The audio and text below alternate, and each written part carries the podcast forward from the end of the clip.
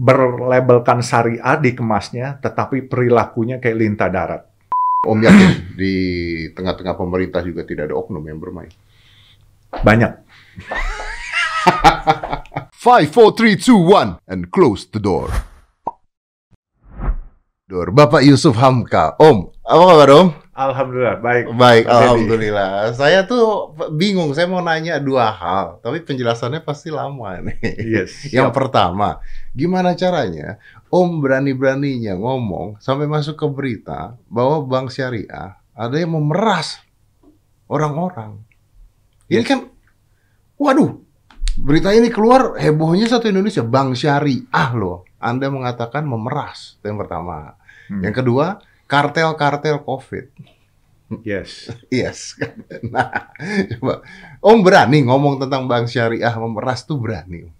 Berani. Ini ada buktinya atau hoax nanti jadinya? Bukti ada semuanya, jelas. Karena yang ini bukan katanya, saya korbannya langsung. Tapi bank syariah swasta, Bank syariah swasta. bukan pemerintah punya. Bank syariah swasta. Oke. Tapi namun demikian namanya saya nggak sebut. Ya betul kita nggak usah sebut namanya Ya. betul. Jadi tidak semua nih Om ya, Ya, tapi ada. ada dan jelas di perusahaan kami. Karena eh, perusahaan saya yang di Bandung itu punya utang 800 miliar.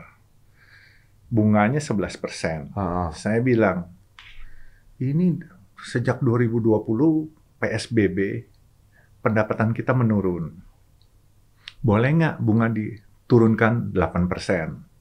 Mereka nggak mau berkelit, berbelit, segala macam. Akhirnya bulan Februari kemarin itu, oh no, Maret. Maret, kita bicara di Zoom meeting. Saya sudah nyatakan, kalau bapak-bapak, ini kan sindikasi, hmm. tidak memberikan penurunan kepada saya, kemungkinan utangnya saya akan lunasi. Oke, dia bilang. Sudah oke.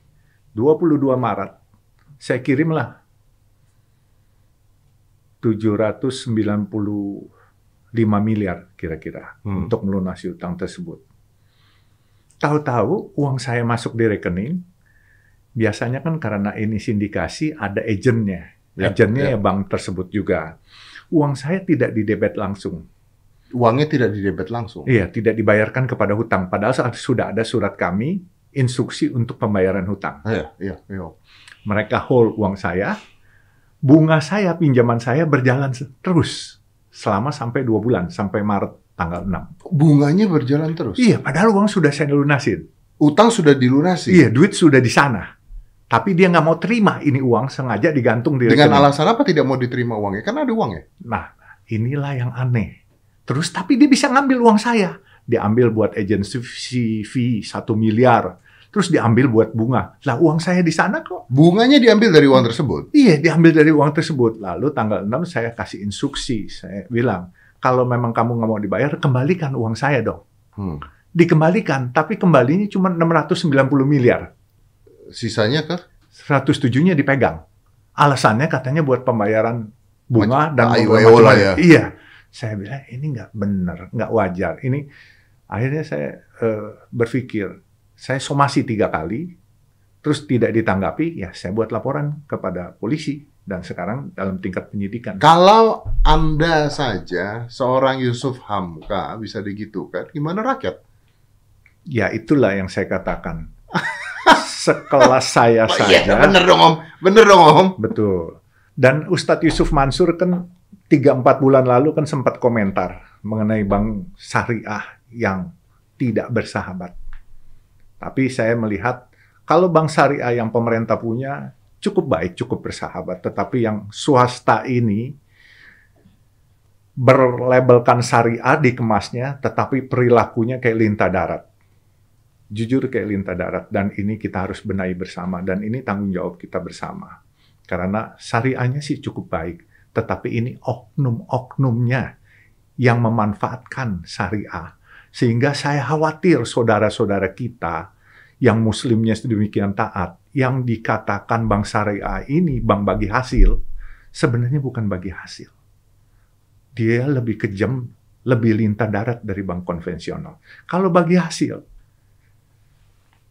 Pak Dedi dagang sama saya bagi hasil. Kalau saya untung 10, kita bagi dua. Ya, lima-lima nih. Iya. Tapi ini enggak. Saya untung 10, kita bagi dua. Begitu saya rugi 10, nggak bagi dua. Saya harus bayar 10-nya. Iya. Nah, ini yang terjadi. Jadi, kalau bagi hasil, begitu pendapatan turun, mereka harus turun. Saya bilang, turun dong. Oh enggak, ini kita tetap bunganya udah dipatok katanya. Lah apa bedanya dengan bank konvensional? Buat apa dikemas dengan syariah? Bank konvensional bunga cuma 9%, Ya, begitu. kamu 11%. Saya bilang gitu. Jadi memang sudah aneh. Waktu Pak Yusuf Mansur bicara sekitar Februari atau Maret kalau nggak salah waktu itu, saya bilang ini sama case-nya mas saya. Saya sebenarnya nggak kepengen ngomong soal ini, tapi kemarin teman-teman dari jurnalis menanya soal uh, Yusuf Mansur, saya tanggapin Yusuf Mansur punya omongan itu benar. Saya bukan katanya, saya korbannya. Nah, saya tadi baru dapat laporan bahwa Bank Syariah itu di bawah Menko Perekonomian sebenarnya. Ada satu divisi Menko Perekonomian yang membawai Bank Syariah Hmm. sebenarnya. Coba Pak Deddy pikir. Maaf dengan segala hormat. Saya ini staf khusus Menko Perekonomian. Padahal itu di bawah lembaganya Menko Perekonomian. Dan saya aja dan, dikerjain. dan berani dengan Anda. Ya, kalau saya salah ya berani ya dia wajar. Saya bener loh, mau nggak ngemplang utang mau bayar utang. Coba pikir, apalagi ngemplang utang katanya. Iya, makanya pertanyaan saya kan kalau Om aja, Hmm. apalagi staf khusus Menteri Perekonomian bisa kena, gimana orang lain gitu loh. Ya itulah, makanya saya bilang janganlah teman-teman oknum-oknum itu bertobatlah, jangan ber- memakai syariah ini untuk membungkus kelintah daratan mereka. Ini nggak baik. Bukankah Om dengan posisi Om sekarang bisa punya eh, banyak sekali link sebenarnya untuk menyelesaikan itu gitu? Ya, saya pikir kalau saya sudah lobby person to person tetap mbalelo, masih bandel, saya bawa ke ranah pengadilan. Masa sih Om yang ngelobi kanan kiri masih begitu nggak masuk akal dong. I mean, your name is not like ordinary names. Your names is very important. People know you. They're supposed to scare of you. No, Yes. they don't have to scare with me, but to be treat me to be equal aja sebenarnya. Keadilan, adil bagi semua.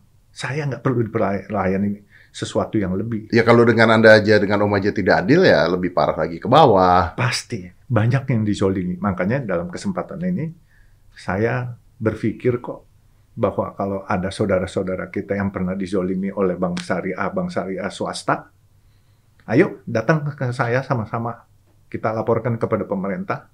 Ini bukan salah pemerintah, tapi salah oknum-oknumnya.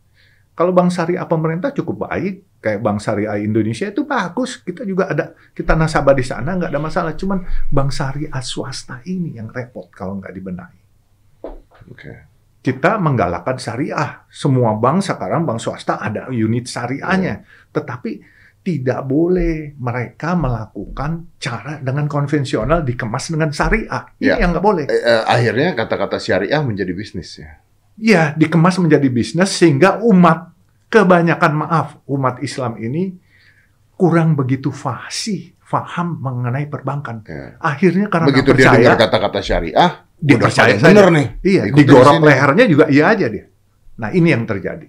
Jadi ya mudah-mudahan doakan saja Pak Dedi. Saya akan buka semualah eh, apa yang saya tahu dan apa cara-cara mereka. Kalau Bank Syariah perjanjiannya adalah bagi hasil, mereka tidak pernah melakukan bagi hasil. Hasil kalau lagi untung kita bagi, kalau lagi buntung jalan sendiri kitanya, disuruh telan sendiri. That's happen. Ini bukan Wow. katanya. Ini terjadi di perusahaan saya di Jawa Barat. Eh, Saya masih nggak ngerti satu hal. Kalau misalnya ini adalah sebuah bank, kan artinya keuntungan ini di, akan diambil bukan person, bukan oknum, tapi banknya dong. Gini, banknya juga eh, pasti mendapatkan benefit, tapi oknumnya dapat bonus. Kalau dia bisa mengutip lebih besar. Oh, Bonus itu. Dari sana. Sehingga mereka berperilaku seperti lintah darat kejam sekali. Sebenarnya saya nggak mau cerita ini, tetapi karena sudah terbuka, karena proses kan sebenarnya masih lagi berjalan secara hukum, ya sudah. Pak Deddy rupanya dapat bocoran, Ya apa boleh buat. Ya, ya, ya, ya. ya. Oke lah, ini uh, ngeri-ngeri sedap juga nih Om ya. Karena Ya, sehar- seharusnya pemerintah uh, membenahi lah. Karena pemerintah maksudnya baik, semua unit bank swasta harus ada unit syariah. Hmm. Tetapi begitu ada unit syariah, entah mereka tidak ngerti syariah, hmm, atau mereka terlalu ngerti dengan bicara dikemas syariah, umat seperti kerbau yang dicucuk hidungnya, nurut aja, lalu digorok lehernya. ya ini jadi mempengaruhi umat-umat supaya menganggap itu benar paling bagus sudah larinya ke sana semua. Where your money there, that's it. You can play the games. Yes, Yes. makanya kesian lah. Gitu. Oh shit. It's happen. kesian, orang kecil semua. Kebenaran kebanyakan nasabah-nasabah syariah, saudara-saudara kita yang muslim ini, yang kelas menengah ke bawah. Iya. ya kan? Jadi bayangkan bagaimana mereka dizolimi. Saya aja dizolimi. Apalagi Apalagi mereka. Ah, Om, that's happened. di luar negeri itu ada bank syariah nggak sih? Ada sebenarnya eh, ada unit-unit seperti syariah, tetapi itu benar-benar diawasi oleh eh, semacam kayak Singapura itu diawasi oleh lembaga MAS-nya semua. Jadi mereka ketat semua. Ah, di sini tidak diawasi. Sini diawasi, cuman ya kadang-kala masih mbalelo nakal-nakal semua gitu yang swasta. Tapi kalau yang pemerintah kayak yang kemarin diresmikan Pak Jokowi Februari kemarin Bank Syariah Indonesia, that is the best. Oke. oke. Ya kan? Yang swasta ini yang agak mbalelo dan agak nakal. Ya, ya, saya ngerti nih Om. Eh, sekarang ini kan kalau Om ngikutin berita di mana-mana nih Om ya, kayak Hmm. kemarin ada keluar berita Dokter Louis yang ngomong wah COVID tuh nggak ada begitu ya. Eh, akhirnya terus ada orang nggak percaya, ada Jerry ngomong gini konspirasi COVID dan sebagainya. Saya melihat satu hal seperti ini. Saya nggak peduli tentang konspirasinya. Saya peduli bahwa kemungkinan besar rakyatnya ini menjadi capek, gitu. And because you're so tired dengan hal ini semua, akhirnya muncullah teori-teori yang banyak. Dan karena hal-hal yang sebenarnya terjadi di masyarakat, saya bisa mengatakan terjadi di masyarakat. Oh, saya mengalami kok nyari obat aja setengah mati kok. Itu satu. Tapi itu that's not the point. The point is seperti kemarin kartel-kartel kremasi atau kartel-kartel COVID saya bilang karena ini kebanyakan terjadi meninggalnya karena COVID itu. They they play the games, ada permainannya, ada yang diuntungkan dari COVID ini akhirnya. Banyak banyak yang mengambil untung. Makanya kadang salah nalar saya kok nggak nyampe berpikiran ke sana. Jadi kalau kita nggak percaya COVID, Pak Deddy, kayaknya ada yang salah di otak kita. Ya, dunia ini bukannya Indonesia saja. Hmm. Banyak korban saudara kita yang meninggal. Pemerintah sudah kerja keras. Eh, Om, kita gini, gimana kalau saya balik begini? Kita mungkin orang-orang ini bukan tidak percaya COVID, tapi kecewa. Karena dia ngeliat, lah ini kok semuanya diduitin, oh, ini kok begini, ini kok ada permainan, ini jangan-jangan bohong semua. Itu yang terjadi. itu terjadi semua obat diduitin, APD diduitin, masker diduitin, mau kubur aja diduitin, kremasi juga diduitin. Makanya saya bilang, sebagaimana kebanyakan orang-orang ini selalu melihat dewanya tuh duit. Jadi opportunity begitu ada, dia nggak peduli pokoknya ngelukai siapa, asal sikut, asal dapat duit, dia telan aja. Dia nggak tahu itu duit berkah apa enggak. Padahal kalau masuk ke dalam badannya malah bukan berkah itu. Itu karmanya luar biasa Pak Deddy. Ya kan? Jadi makanya kita melihat ada dokter Louis atau apa. Saya cuman berpikir begini, janganlah cari panggung bahwa tidak mempercayai ini. Pemerintah kita sudah lelah. Negara ini sudah berduka jangan kita tambah beban. Kita harusnya yang private sector, ayo bergandengan tangan, dukung, support pemerintah, Hmm. bukan malah membuat semrawut. Nah orang-orang yang begini seharusnya pemerintah juga wise, ambil tindakan. Spekulan obat, spekulan masker.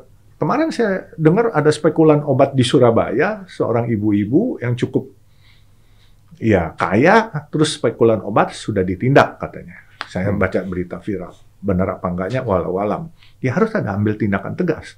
Nah, Kita bicara ke Apa eh, Om yakin di tengah-tengah pemerintah juga tidak ada oknum yang bermain? banyak. banyak. Kesian, pemer- pemerintah Pak Jokowi itu kesian. Kita kadangkala berpikir juga gini Pak Dedi, banyak anak bangsa yang bisa bikin vaksin, tetapi vaksinnya malah nggak dipakai. Hmm. ya kita lihat banyak ahli-ahli yang bikin vaksin saya nggak usah sebut ini kita lebih senang import import itu kadangkala belum tentu efektivitas Sesuai. sesuai ya kan dengan badan kita cuman ya sudahlah pemerintah sudah mengambil kebijaksanaan kita harus manut apa pun pemerintah punya keputusan kita manut cuman nggak ada salahnya pemerintah membantu anak negeri anak bangsa sendiri kalau dia ada penemuan yang bagus why not Disupport. disupport nggak di, Oke. nggak nggak dihambat tapi diberi kesempatan. Soal nanti nggak baik sudah tapi kasih kesempatannya dulu, Ya, ya, ya. ya kan. Yang penting opportunity Iya. dan let them try. Because Because otherwise we don't know. ya never try we never know. Ya. We never try we never know. Jadi kasih let them try. Kalau ternyata fail sudah tahu nggak ada ruginya buat kita. Tapi kalau ternyata mereka berhasil benar luar biasa menguntungkan devisa kita nggak perlu keluar bahkan kita bisa mendatangkan devisa karena orang lain akan menjadi rujukannya ke Ya, Indonesia. and dan kita bisa ekspor untuk keluar malah. yes, menghasilkan devisa. Ya, gitu. ya. Nah, ini kalau tentang kremasi yang tadi Om katakan, yang tadi Om katakan, ini kan sampai awalnya ada orang-orang yang sampai 80 juta. Berapa harga sih, Om? Aslinya sebelum COVID di eh, krematorium itu, saya sebenarnya tadinya nggak tahu karena kemarin ada kartel itu saya turun tangan, saya jadi tahu. Jadi kalau yang pakai kayu bakar itu 4 juta rupiah. Hmm. Kalau pakai gas 5 juta rupiah. Oke. Nah, krematorium kakak saya, sebenarnya itu almarhum kakak saya punya yang di Cilincing. Eh, namanya krematorium Dr. Agi Cece Sarjana Hukum. Oke. Itu nama dia, Cilincing. Waktu saya lihat ada tulisan mengenai kartel, ini kok saya berasa, ini kok di luar nalar saya ada orang yang kejam begini. Apa iya sampai puluhan juta ya kremasi? Saya telepon pengurusnya. Saya ingat bahwa oh iya saya waktu itu almarhum kakak saya meninggal, saya dititipin dia punya eh, hartanya, di antaranya ada krematorium. Saya telepon pengurusnya, kebetulan saya dewan pembinanya. Kamu ikut kartel ya? Saya bilang. Oh enggak pak, kita belum eh, eh, belum terima COVID katanya sampai hari ini. Kamu bisa terima COVID? Bisa pak, tapi minta izin dinas pemakaman dan pertamanan. Hmm. Oke, segera minta. Dan malam ini juga, kalau memang sudah dapat izin, terima jenazah COVID. How much? Waktu saya tanya harga biasa berapa? 4 juta dan 5 juta. Terus saya bilang, berapa harga yang kamu kalau untuk COVID? Pak, kita masih siapin APD, APD dan sebagainya, sebagainya. disinfektan, Ya, ya. dan buru. Kita dikatanya bedain yang malam buat COVID. Jadi lembur. Mula-mula dia bilang 10 juta. Saya bilang nggak mau. Terus dia turun 8 juta. Tidak. Kamu ambil margin kebanyakan. Begitu dia bilang 7 juta. Masih bisa turun lagi nggak? Pak, kalau di press turun lagi, harga pokok bisa. Tapi kita nggak ada untungnya katanya. Nanti biaya operasional kita terkendala. Ya. Oke, 7 juta sudah oke. Oke. Nah, saya akan umumkan ya. Langsung malam itu, sebenarnya saya udah ngantuk. Tapi semua telepon dari teman kirimin uh, tulisan, hati saya galau. Hati saya marah. Hati saya sedih. Saya udah pakai baju kaos tidur, Pak Dedi. Kaos oblong. Terus saya bangunin nyonya saya itu jam 8 malam. Nah, tolong bikinin video singkat. Saya bilang, saya akan umumkan. Saya akan hantam ini kartel-kartel yang nggak benar. Singkat kata, saya pakai baju tidur, saya lapis aja lagi pakai baju biasa. Saya bicara di meja kerja saya di rumah. Saya nyatakan bahwa kita akan sediakan 7 juta dan kalau ada orang bilang 80 juta, kirim aja ke tempat kami, tapi eh, pelan-pelan semua kita layani dan saya lihat yang menjadi sumber pemerasan saudara-saudara kita yang umat Kristiani, umat Buddha, dan umat Hindu. Umat Hindu itu ada teman-teman dari Bali, teman-teman dari suku India. Jadi saya bilang, kalian tidak sendiri. Kami akan bersama kalian. Dan akhirnya semua datang ke sana dan harga langsung turun. Harga turun ternyata yang dimainin bukan kremasi aja. Rumah duka Rumah duka dimainin. harga. dimainin harga, Harga rumah duka di COVID ini dimainkan. dimainkan. Kemudian ambulan Ambulan dimainkan. dimainkan juga. Ada yang sewa ambulan menurut saudara Martin 27 juta. Dengan alasan karena mereka minta 27 juta kalau nanti jenazahnya nggak dapat tempat kremasi, jadi ini bisa seminggu di mobil itu. Yang meninggal mau nggak mau akhirnya harus terima. Terus juga Gucci. Karena biasanya kalau habis kremasi Ditaruh di Gucci. Gucci itu ada yang jutaan. Nah, tapi dari tempat saya saya tanya 500 ribu sampai 3 juta. Lalu pelarungan, saya juga baru tahu pelarungan itu rupanya setelah dimasukkan di dalam bungkusan, eh, abu jenazah itu dibuang ke tengah laut.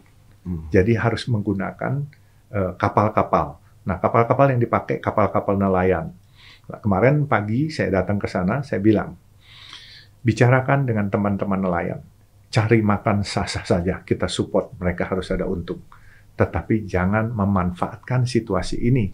Kalau sampai teman-teman nelayan memanfaatkan situasi ini, mengambil keuntungan, bukan tidak mungkin nanti ada orang yang donasi kapal-kapal untuk kita buang sana, nanti mereka nggak dapat pencahariannya. Jangan sampai terjadi itu. Nah, selanjutnya mulai turun harganya juga. Jadi dari satu setengah juta kapal itu kalau nggak salah sekarang satu juta. Ya sudah mulai ada perbaikan lah. Cuman kadangkala hukum ekonomi apa? Padahal kita mengaku negara Pancasila. Padahal warga negara kita diajarin Pancasila. Tetapi kayaknya economic animal. Ilmu aji mumpung. Ilmu aja mumpung. Iya Ya, betul. itu. memang. Kesian orang-orang yang Saya punya teman meninggal karena COVID, Om. Eh, usia 40 tahun gitu meninggal. Itu butuh berapa hari untuk nyari kuburan? Makanya saya bilang, masalah kuburan, kan pemerintah sudah eh, siapkan di rorotan. Dengan tentunya eh, sesuatu fasilitas yang baik. Nah, saya juga bilang, kemarin saya nyatakan, dan hari ini saya nyatakan kembali, saya kebenaran di rorotan ada punya tanah 10 hektar. Kalau sampai nanti saudara-saudara kita, baik yang Muslim, yang Kristen, yang Buddhis, yang Hindu, butuh pemakaman dan dipersulit, kena kartel lagi, saya akan kasihkan tanah saya dengan harga sama seperti kremasi. Cukup dong. Tadinya saya mau kasih gratis, Pak Dedi. Cuman teman-teman saya, tim saya bilang, Pak kalau gratis nanti siapa yang ngegali katanya. Ya, ya, siapa ya. yang ngerawat, jadi harus ada biayanya. Oke Hmm. lah, saya bilang. Dengan dengan Om mengadakan seperti ini, harga diturunkan menjadi 7 juta, apakah itu mematikan mafia-mafia COVID tersebut? Pasti. Dan mereka patokannya sekarang kalau dia mahalin pasti lari ke krematorium Dr. Agi Cece yang di Cilincing. Oke. Dan saya bilang kalau ada banyak orang yang datang karena diperas, kasih tempat transit. Di situ ada rumah abu. Hmm.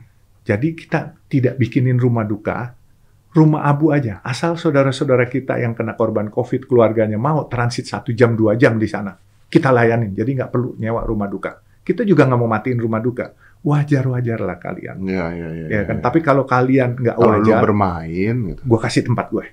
Ya kan. Kasih free, saya bilang. Free. Free, for free. Bahkan, Pak Dedi tahu nggak? Ini ada empat donatur. Saya sebutin nggak apa-apa kok.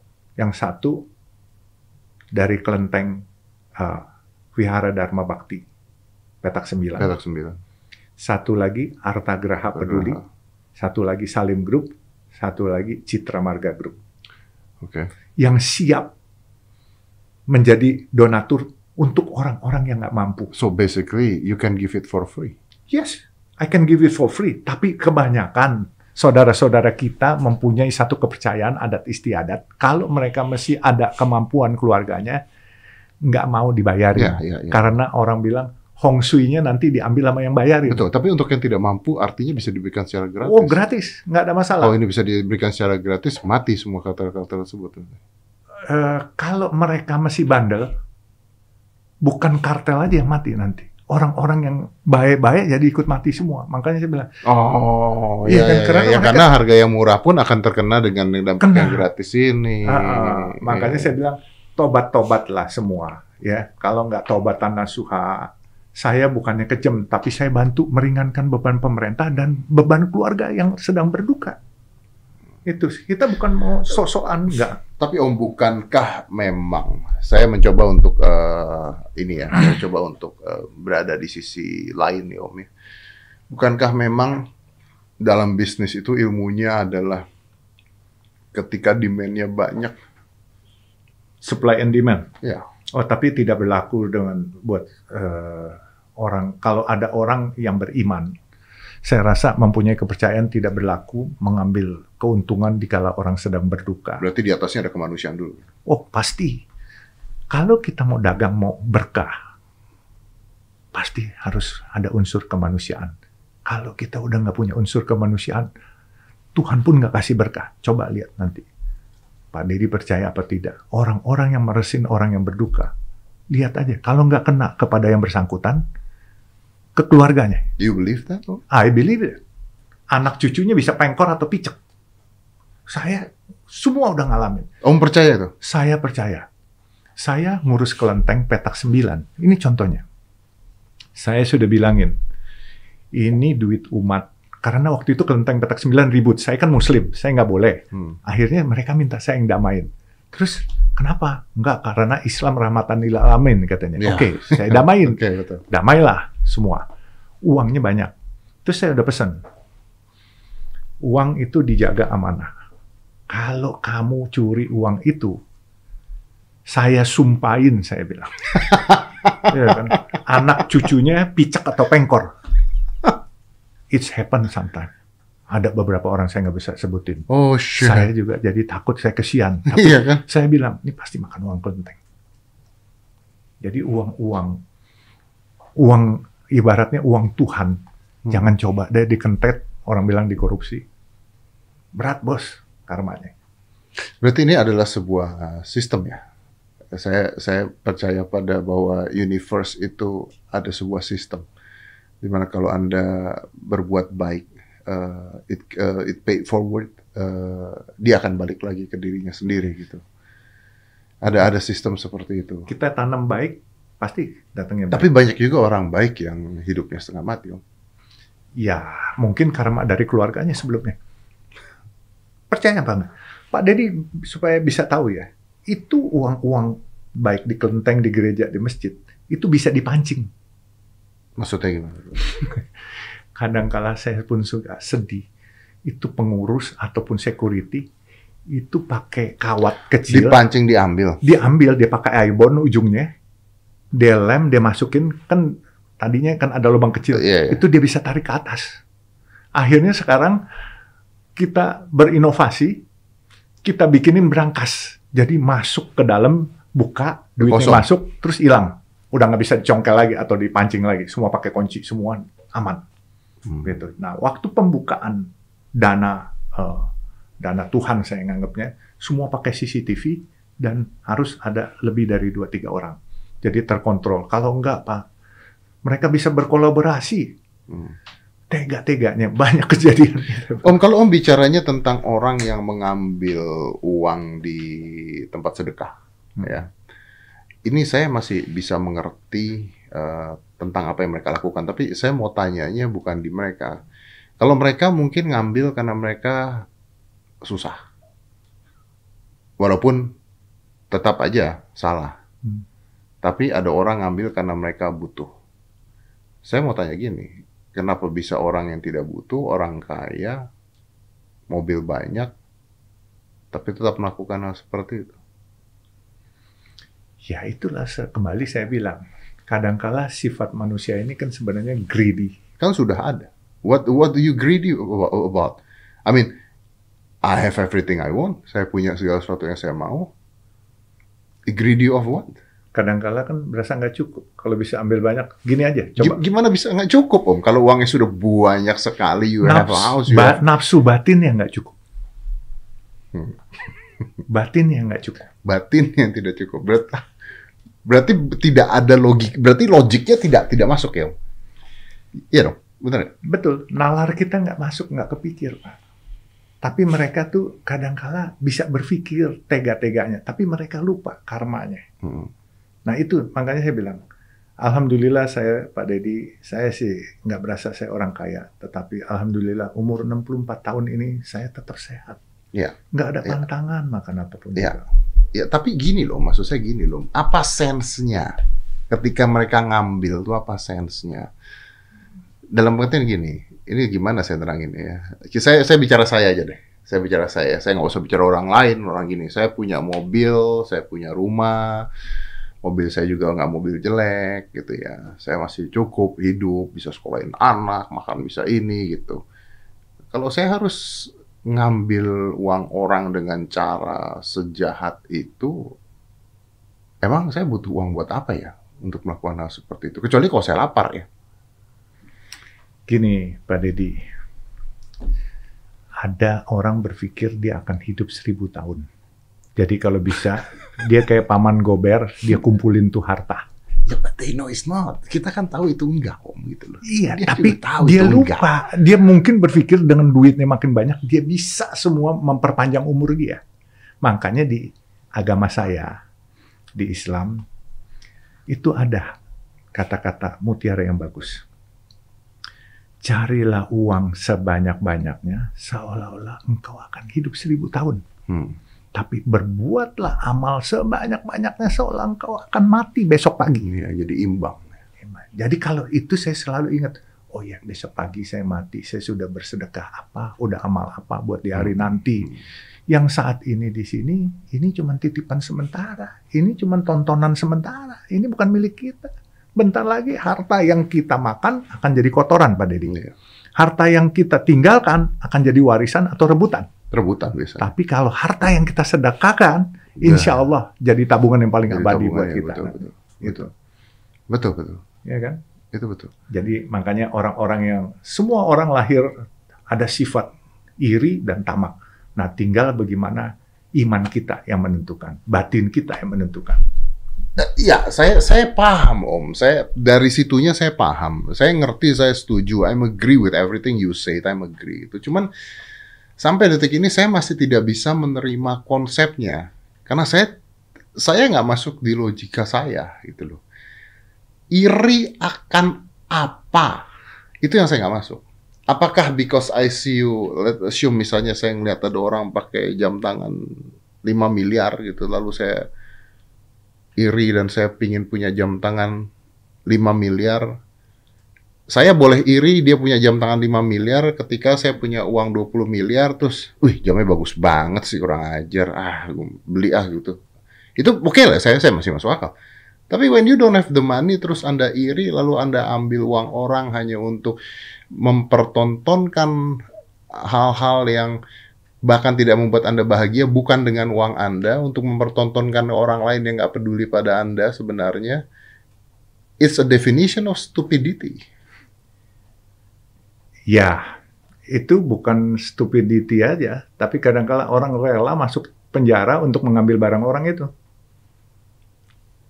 Itu udah boleh bilang kalau bahasa Betawinya udah tolol, bin goblok, bin bodoh. Ya. Banyak orang yang seperti itu.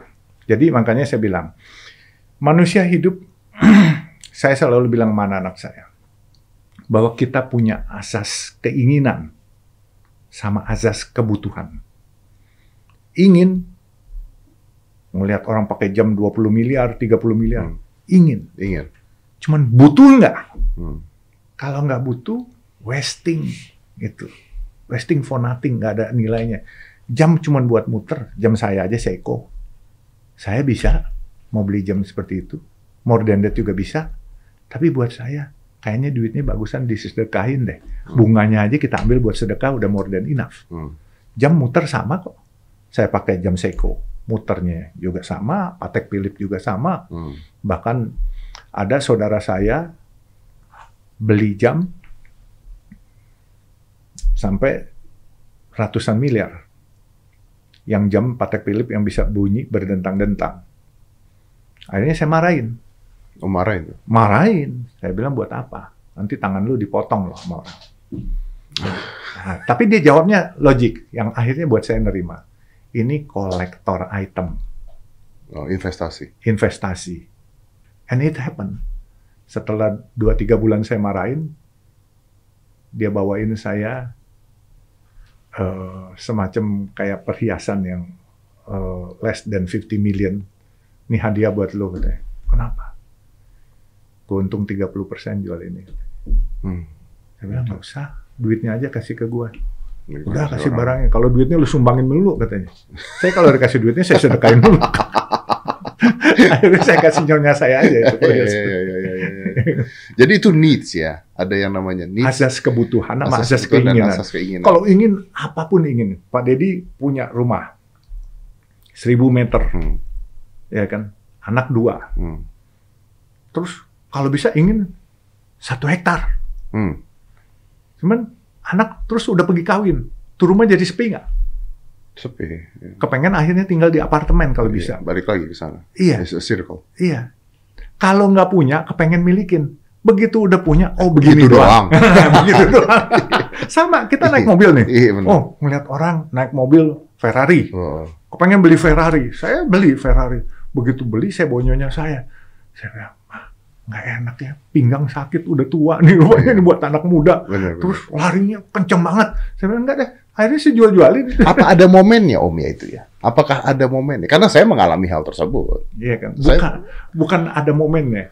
Kita dulu kan boleh bilang hidup susah nggak punya. Oh, yes. Kadang-kala kepengen punya. Begitu udah punya udah lah, Iya, iya, Ah, benar, benar, benar, benar. Tapi benar, soalnya anak saya gitu ya, Hmm. dia nggak pernah punya kepinginan, Hmm. nggak pernah punya kepinginan. Terus saya mikir-mikir, kenapa dia nggak punya kepinginan? Kayaknya lu dari lahir udah udah apa pun yang lu pingin lu dapet. Nah, Kalau kalau kita dulu kepingin nggak bisa dapet, oh kita nggak bisa dapat. Dulu kita mau naik mobil aja numpang di truk. Iya, Mantap. Makanya begitu kita bisa ada rezeki dikit, kita kepengen. Benar. Makanya saya bilang sama anak-anak saya, anak-anak saya alhamdulillah sekarang putra putri saya juga udah ikutin saya. Dan yang lucu putra saya yang paling kecil itu dia eh, lulusan London School of Economics, kemudian dia eh, pernah kerja di McKinsey, konsultan terbaik di dunia itu tiga tahun. Saya lihat dia perginya nggak mau naik mobil. Ada supir disediain, dia bilang kalau nggak penting nggak mau, dia ngojek. Dia ngojek. Kadang-kadang naik MRT. Jadi dia udah nggak pengen, gitu. Nah, anak saya yang kedua juga dulu masih pengen, tapi sekarang dia bilang udahlah nggak kepengen. Yang pertama dulu eh, putri saya tasnya mau Hermes atau apa, saya bilang udah nggak penting yang gituan, jual duitnya sedekahin, saya bilang gitu. Dan dia nurut semua. Sekarang mereknya kan label, anaknya Yusuf Hamka. Lu nggak perlu bilang lu kaya, tapi orang tahu kita bukan dikenal kaya, tapi kehormatan bagi kita adalah kita adalah pedagang nasi kuning buat kaum duafa. Oke, Itu. saya paham di sananya. Hmm. Tapi itu juga mengartikan bahwa kadang-kadang ada orang-orang yang membutuhkan label. Karena mereka butuh label tersebut. Karena mereka tidak punya label dari hal lainnya. Hmm. Saya mengalami, maksudnya begini Om, saya I I were there. I have a watch cost a billions. I I set it up. Sampai di titik di mana saya berpikir I don't need this. Like saya bahkan berpikir why the hell I buy this gitu pada saat itu. Terus saya sell it, terus saya pakai ya this is Garmin dah gitu dan sebagainya. Karena saya tahu bahwa eh, orang tidak akan menilai saya karena apa yang saya pakai. Saya tahu orang akan menilai saya dengan kreativitas saya, Dan kepribadian hati baik Bapak. dengan kepribadian hati baik gitu. Tapi ada orang yang mengatakan sama saya seperti ini, ya lu enak, lu siapa? Bisa dibalik, ya om enak, om siapa? Om tidak butuh apa pun, om turun dari bajai juga, bajainya jadi mahal. Tapi orang-orang ini kadang-kadang membutuhkan hal tersebut untuk menaikkan dia punya karakter. Naik secara instan. Kalau kita kan naiknya memang tidak instan, by process, by progress. Gua suka. Ada aja dia jawabnya. Iya benar, benar, benar, benar. Iya kan? Mereka mau naik secara instan, mana bisa, bos? Iya kan? Dan juga perlu diketahui, Kalau belum saatnya, bos, Ah. kita lihat banyak sahabat-sahabat kita, Hmm. mendadak hebat kaya, Iya. nggak lama ketangkep KPK, Iya. terus ada yang bangkrut. Itu Tuhan belum kasih saatnya. Pelan aja, slow but sure. Kalau udah saatnya, Tuhan akan kasih kehormatan. Saya dulu dihina-hina orang. Siapa yang mau kenal sama saya? Tapi sekarang saya dielulukan orang, tidak membuat saya berubah. Dan saya maaf Pak Dedi, bukan karena saya banyak duit atau apa. Saya jalan untuk berbuat baik, tidak ada uang dari orang lain. Ini uang sadako dari keluarga kami sendiri. Bukan kami sombong, bukan. Sadako kami belum cukup. Kami takut sewaktu-waktu besok pagi kami udah dipanggil yang pencipta. Kami belum berbuat banyak. Itu. Saya selalu bilang sama anak-anak. Berbuat banyak. Kita nggak tahu besok pagi kita dipanggil. Kita lihat saudara-saudara kita, teman-teman kita. Tahu-tahu baru ketemu kita. Dua hari kemudian Meninggal. dipanggil karena COVID. Ya. Saya bilang makanya, ada uang tidak boleh sombong. Saya bilang sama anak-anak saya. Ya, nggak punya duit juga nggak boleh nyolong. Saya bilang, nggak banyak duit, jangan suka bohong. Bilang. Jadi, yang benar aja kerja, Tuhan akan kasih kehormatan. Saya tidak berpikir untuk jadi hari ini, Pak Dedi. Tapi saya boleh dong, saya bangga. Saya nggak kaya seperti orang-orang yang kaya, yang hebat, yang nyumbang katanya jutaan dolar, sampai keluar negeri jutaan dolar. Hmm. Ada nggak kehormatannya? Saya dapat kehormatan dari Allah. Dan saya ingin tekankan kepada teman-teman melalui tempat Pak Dedi ini. Saya tidak punya ambisi politik apa pun juga. Dan jangan menganggap saya pencitraan atau apa karena ada target. No, target saya jadi orang yang bermanfaat. Dan sekarang ini sebagian sudah tercapai. Dan cita-cita saya, saya hanya ingin nama saya dipanggil Baba Alun. Eh, Nama Chinese saya memang Alun. Saya ingin mengikuti jejak Madam Teresa. Itu saja. Saya nggak kepengen jadi apa-apa. Terima kasih. pokoknya. Five, four, three, two, one, and close the door.